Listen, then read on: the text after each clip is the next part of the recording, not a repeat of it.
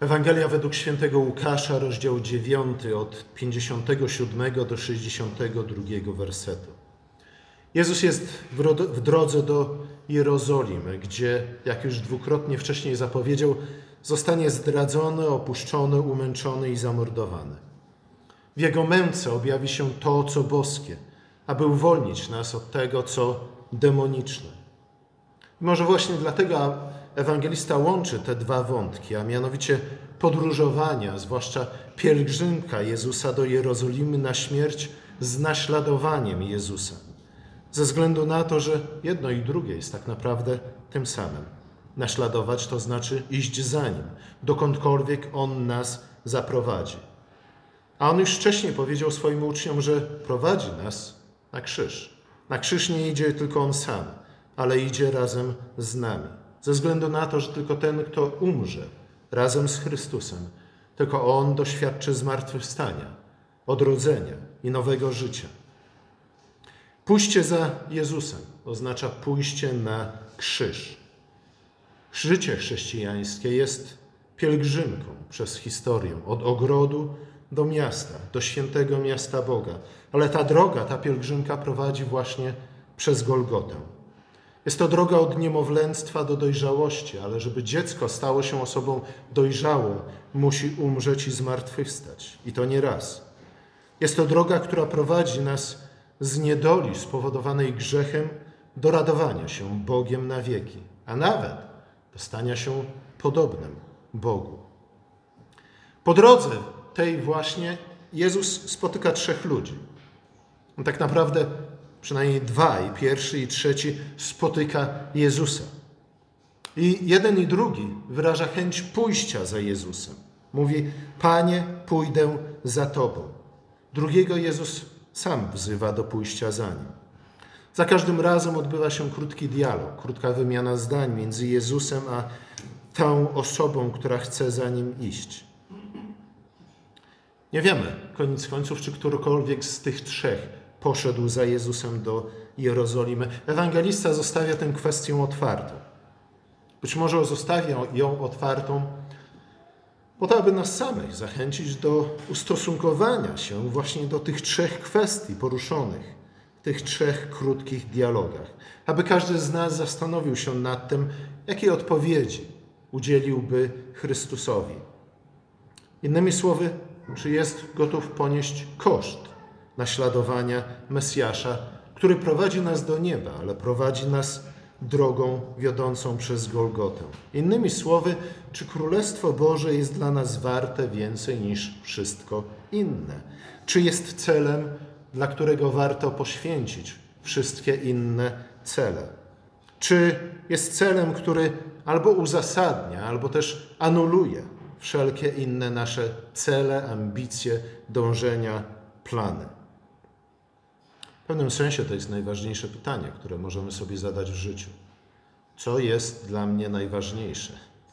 Co jest moim celem, dla którego jestem gotów poświęcić wszystko inne? Pierwszy człowiek powiedział do Jezusa: Pójdę, to za, pójdę za Tobą, dokądkolwiek się udasz. Słuchajcie, deklaracja zaiste godna pochwały. Jednak odpowiedź Jezusa zmusza tego człowieka do w pewnym sensie zejścia na ziemię, do ponownego przemyślenia, czy aby naprawdę jest na to gotowy. Aby się nie okazało, że podniosłe słowa, dobre słowa, są bardziej wynikiem ignorancji, pyszałkowatości niż wiary i zdecydowania. Jezus mówi: Lisy mają nory, ptaki powietrzne gniazda ale syn człowieczy nie ma miejsca, gdzie mógłby głowę oprzeć. Innymi słowy, pójście za Jezusem na pewno nie jest pójściem łatwą drogą. Nie jest to droga usłana różami. A tego, kto za nim idzie, częściej spotyka znój, trud i niebezpieczeństwa niż relaks, wytchnienie i zaszczyty. Jeśli chcemy pójść za Jezusem, dlatego że właśnie tego szukamy, zaszczytów, wytchnienia, relaksu albo po prostu łatwego życia, to jesteśmy w błędzie i na pewno szybko się rozczarujemy. Niestety chrześcijanie bardzo często zachowują się jak najemnicy opisani przez Machiavellego w księciu, którzy bardzo chętnie pobierają żołd w czasie pokoju, ale w czasie wojny wolą przebywać z dala od linii frontu. Czy jesteś takim właśnie chrześcijaninem? Czy traktujesz swoje chrześcijaństwo i naśladowanie Chrystusa jak ci najemni żołdacy, którzy są pierwsi do łupienia, pierwsi do gwałcenia, pierwsi do palenia, ale ostatni do walki? Liczymy na wszelkie korzyści płynące z wiary. Liczymy na to, że z wiary popłyną dla nas tylko i wyłącznie korzyści. Ale nie za bardzo gotowi jesteśmy zaakceptować hańbę krzyża i choćby kilka nieprzespanych nocy. Ba! Nie za bardzo jesteśmy gotowi poświęcić jedną godzinę w tygodniu na to, aby przyjść do stołu pańskiego. Słuchajcie, tyle warte jest nasze chrześcijaństwo. Niestety. Kto przedkłada komfort ponad wszystko, ten nie nadaje się na ucznia Jezusa. I słuchajcie, jeśli do tego wniosku kiedyś dojdziemy, to będzie najtragiczniejszy dzień w naszym życiu. Ze względu na to, że czym jest alternatywa dla naśladowania Chrystusa. I słuchajcie, nie mówię tego, żeby was straszyć. Przynajmniej nie tylko i wyłącznie. O ciupinkę chcę was przestraszyć. Ze względu na to, że alternatywą jest piekło. Piekło, które koniec końców sami sobie zgotujemy. I naprawdę, nikt z nas nie chce tam się znaleźć. Więc tak naprawdę to nie jest wybór między łatwym, komfortowym, niestresującym życiem, a naśladowaniem Chrystusa. Nie. Alternatywą jest albo życie, albo śmierć, albo niebo, albo piekło, albo błogosławieństwo, albo przekleństwo. Kto idzie za Jezusem, musi być gotowy do wielu wyrzeczeń i trudów. Słuchajcie, tak naprawdę nie powinniśmy być temu, tym zdziwieni, ze względu na to, że cokolwiek dobrego, cokolwiek szlachetnego w naszym życiu wymaga wyrzeczeń i trudów. Nic dobrego nigdy nie przychodzi łatwo. Albo my ponosimy cenę, albo ktoś inny za nas. Drugi człowiek zostaje powołany przez Jezusa, który mówi do niego: Pójdź za mną. Każdy z nas chciałby, żeby Jezus osobiście stanął przy nim i wypowiedział do niego te słowa. I ten człowiek odpowiada: Panie, pozwól mi najpierw pójść i pogrzebać mojego ojca. Słuchajcie, na pierwszy rzut oka bardzo sensowna odpowiedź, bardzo sensowna prośba. Wielu jednak komentatorów uważa, że tak naprawdę to była jedna wielka ściema. Bardzo często wymawiamy się przed służeniem Chrystusowi bardzo pobożnymi powodami. Gdyby ten człowiek, gdyby ojciec tego człowieka rzeczywiście był martwy, ten człowiek byłby już zaangażowany przygotowaniami do pogrzebu. W tamtych czasach nie mieli lodówek, w których mogliby przechowywać ciała na dłuższy czas. Nie kremowano również ciał, więc pogrzeb musiał się odbyć jak najszybciej. Wygląda na to, że ten człowiek raczej chciał pozostać w domu swojego ojca aż do czasu jego śmierci. Być może po to, aby zabezpieczyć swoje prawo do spadku po ojcu, żeby jego bracia go nie ocyganili. Takie wyjaśnienie wydaje się być sensowne ze względu na to, że Jezus na swojej drodze spotkał bardzo wiele osób, które wymawiali się przed, wszystkimi, wszelkimi wyzwaniami, które on im stawiał właśnie przy pomocy takich pobożnych, czy też raczej pseudopobożnych wymówek. Jakimiś innymi zobowiązaniami, które same w sobie były dobre. A jednak w obliczu powołania pójdź za mną stawały się złe. Stawały się tak naprawdę wymówkami przed pójściem za Chrystusem.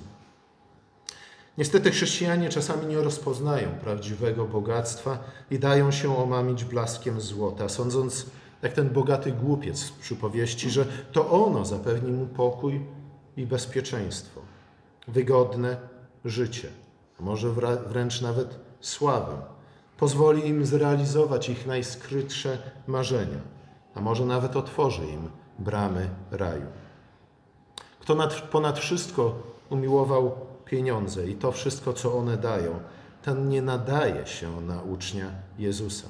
Kto idzie za nim, musi być gotowy wyrzec się ich złudnego i zniewalającego uroku. Trzeci człowiek, podobnie jak pierwszy, sam wyraża chęć pójścia za Jezusem. Mówi: Panie, chcę pójść za Tobą. Stawia jednak jeden warunek. Pozwól mi najpierw pójść i pożegnać się z moimi w domu. W gruncie rzeczy Elizeusz postąpił podobnie, kiedy prorok Eliasz przyszedł do niego i powołał go na swojego ucznia. Elizeusz, Elizeusz poszedł i pożegnał się ze swoją rodziną. I znów na pierwszy rzut oka wygląda to jak, jak najbardziej uzasadniona prośba. Dlaczego nie mielibyśmy się pożegnać ze swoją rodziną? Odpowiedź Jezusa jednak sugeruje, że z jednej strony oczywiście powołanie Elizeusza jest kontekstem tego krótkiego dialogu, ale z drugiej strony musimy przyjrzeć się temu, co Elizeusz tak naprawdę uczynił. Elizeusz, zanim poszedł i pożegnał się ze swoją rodziną, zaraz po tym, jak został powołany przez Eliasza, co zrobił? Porąbał jarzma wołów, poćwiartował te woły, rozpalił ogień i złożył z nich ofiarę. To oznaczało jedno. Elizeusz był zdeterminowany do końca, aby pójść za Eliaszem. Elizeusz nie chciał się oglądać za siebie. Nie było dla niego powrotu do starego życia. Jezus nie zabronił temu trzeciemu człowiekowi pożegnać się z rodziną, ale jego pytanie tak naprawdę dotyczy tego, kto jest moją prawdziwą rodziną.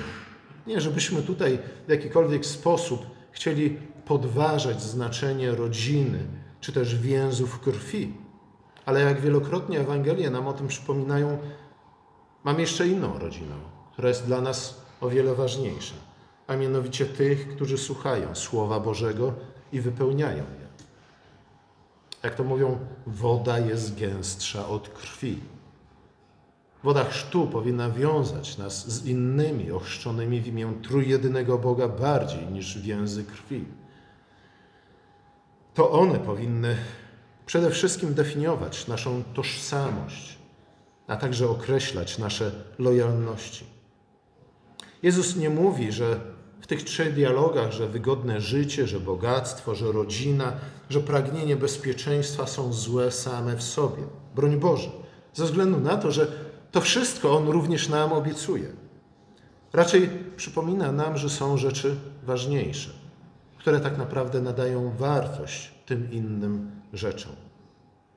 Że w pierwszej kolejności mamy zabiegać o Królestwo Boże, że nasza lojalność powinna być w pierwszej kolejności nakierowana na Boga objawionego w Chrystusie. Jeśli jest inaczej, to nawet jeśli zdobędziemy kiedyś bogactwo, zniewoli nas ono nawet jeśli dochowamy wierności rodzinie, to również ona może się okazać dla nas Egiptem. Nawet jeśli uczynimy wszystko dla zachowania własnego życia, słuchajcie, prędzej czy później wszyscy z nas i tak umrą. Wtedy zaś liczyć się będzie to, gdzie jest nasz największy skarb, bo tam również będzie nasze serce i nasza dusza. A więc ogólnie rzecz biorąc, chodzi o to, jaka jest nasza hierarchia wartości, co jest dla nas najważniejsze, które znów z jednej strony albo uzasadnia, albo anuluje wszelkie inne wartości i cele. Rozmowa Jezusa z tymi trzema mężczyznami, rozmowę Jezusa z tymi trzema mężczyznami można oczywiście odczytać na przykład w kontekście przypowieści o czworakiej roli gdzie czytamy, że ziarno słowa może zostać bardzo łatwo stłumione przez pokusy, czyli tak naprawdę przez nasze pragnienia i tęsknoty, albo też przez troski, albo przez bogactwo, albo przez przyjemności życia. O to wszystko zabiegamy. W pewnym sensie nie ma w tym nic złego. Pytanie jednak, w jaki sposób o to zabiegamy i czy to jest dla nas główny cel, czy też cel drugorzędny mimo wszystko. Dlatego warto od czasu przypomnieć sobie, co w naszym życiu jest najważniejsze, bez czego cała reszta, to wszystko inne nie jest albo nic warte, albo wręcz przeszkadza nam w osiągnięciu tego najwyższego celu. I tu znów wracamy do kwestii tego, co boskie, a co ludzkie.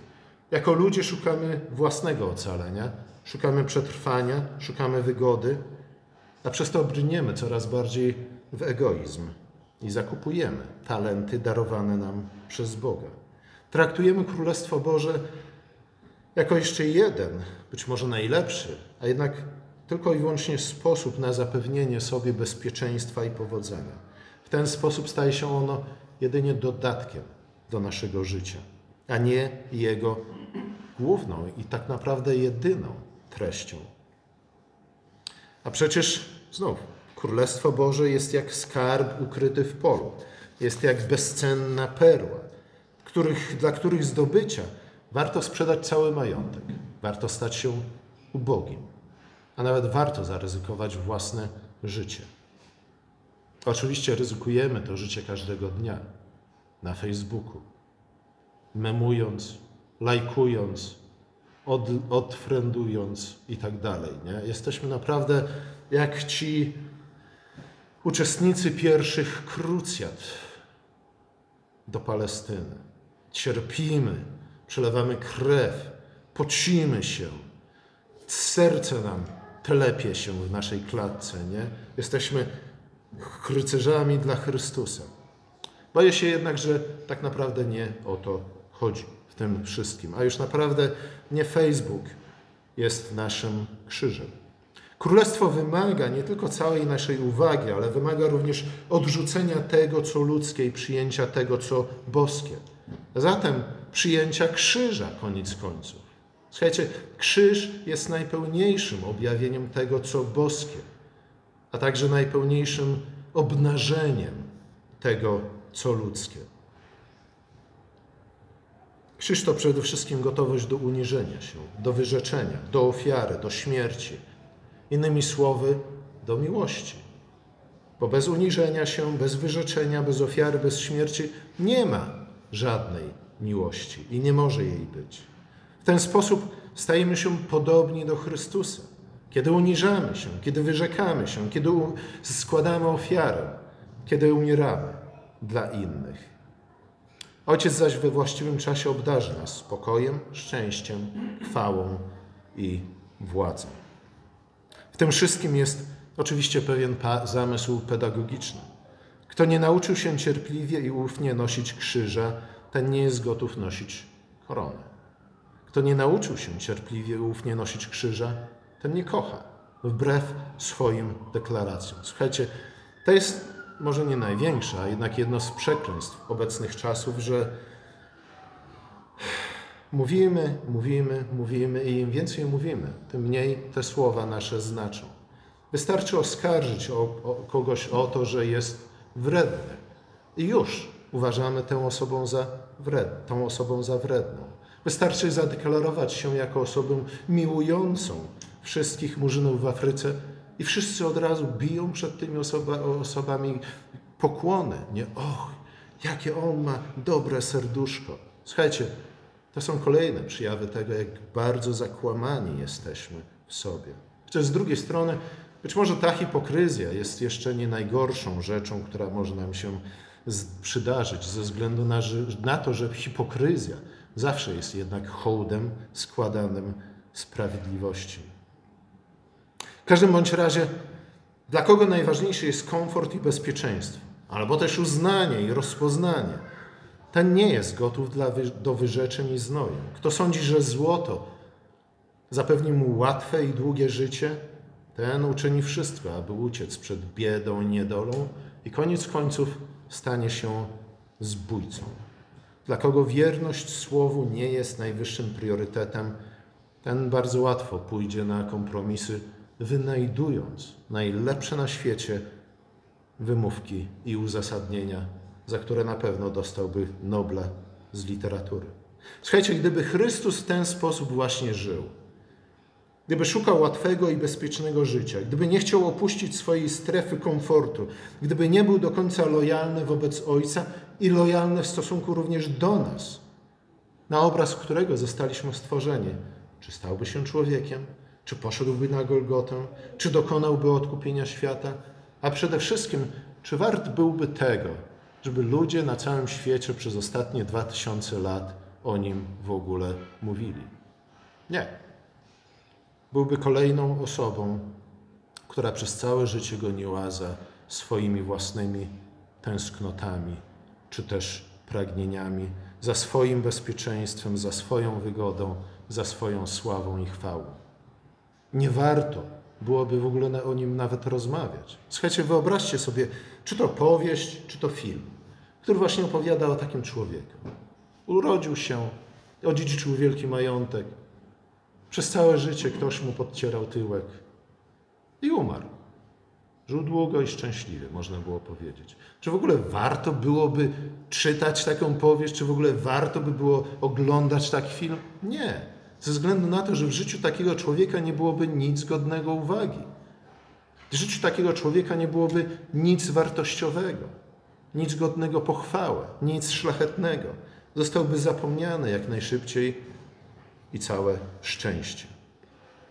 Dwaj spośród trzech ludzi, z którymi rozmawia Jezus, wyrażają chęć pójścia za, za Jezusem, stania się Jego uczniem, Jego naśladowcą, lecz dopiero po tym, jak wcześniej uporządkują pewne ważne sprawy w swoim życiu. Słuchajcie, to jest kolejna ważna kwestia, poruszona w tych trzech dialogach.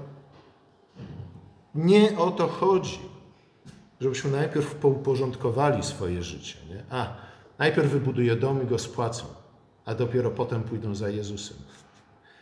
Nie, to nie jest ta kolejność, nie o to chodzi.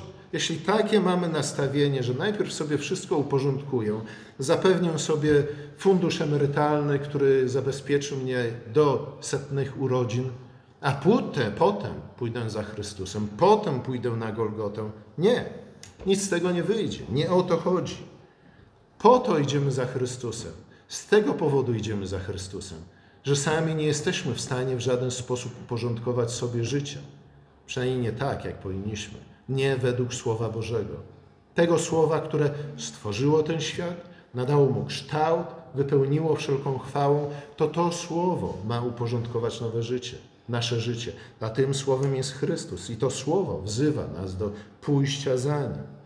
Każda próba uporządkowania sobie życia przed Chrystusem albo przed pójściem za Chrystusem, po to, żebyśmy byli gotowi do pójścia za Chrystusem, jest po prostu przejawem szaleństwa i głupoty.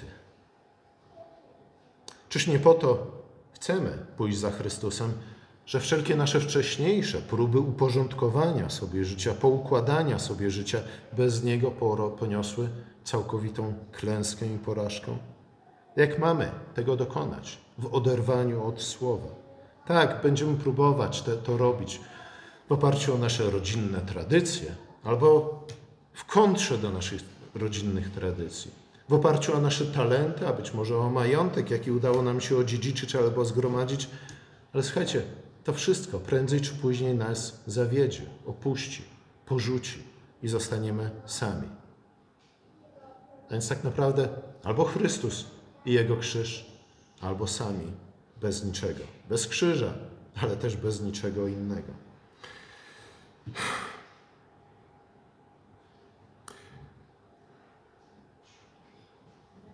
Dla co najmniej dwóch z tych trzech ludzi bycie uczniem Jezusa było w gruncie rzeczy dodatkiem do tego, co sami już wcześniej zdobyli i dokonali. Nie było tym, co Komeński nazywa jedynym koniecznym. Nie było dla nim kwestią życia i śmierci. I tak naprawdę nigdy nie pojęli, w czym kryje się tajemnica prawdziwego szczęścia i sukcesu życiowego. Nie uwierzyli również słowom Jezusa, że w pierwszej kolejności mają szukać Królestwa Bożego i Jego sprawiedliwości, a reszta zostanie im dodana. Nie tylko ze względu na to, że szukają Królestwa Bożego i Jego sprawiedliwości w pierwszej kolejności, ale właśnie poprzez szukanie Królestwa te inne rzeczy są nam dodawane. Królestwo jest tym, co albo uzasadnia, albo podważa i anuluje wszelkie inne cele, marzenia naszego życia, całą resztę naszego życia. I znów, Jezus umarł nie po to, aby dać nam łatwe życie, ale o- po to, aby uczynić z nas dobrymi, szlachetnymi ludźmi. Po to, abyśmy my, stworzeni kiedyś na Jego obraz, również mogli wzrastać na Jego podobieństwo. Po to, abyśmy zostali otoczeni, koniec końców, prawdziwą chwałą i prawdziwą radością. Amen.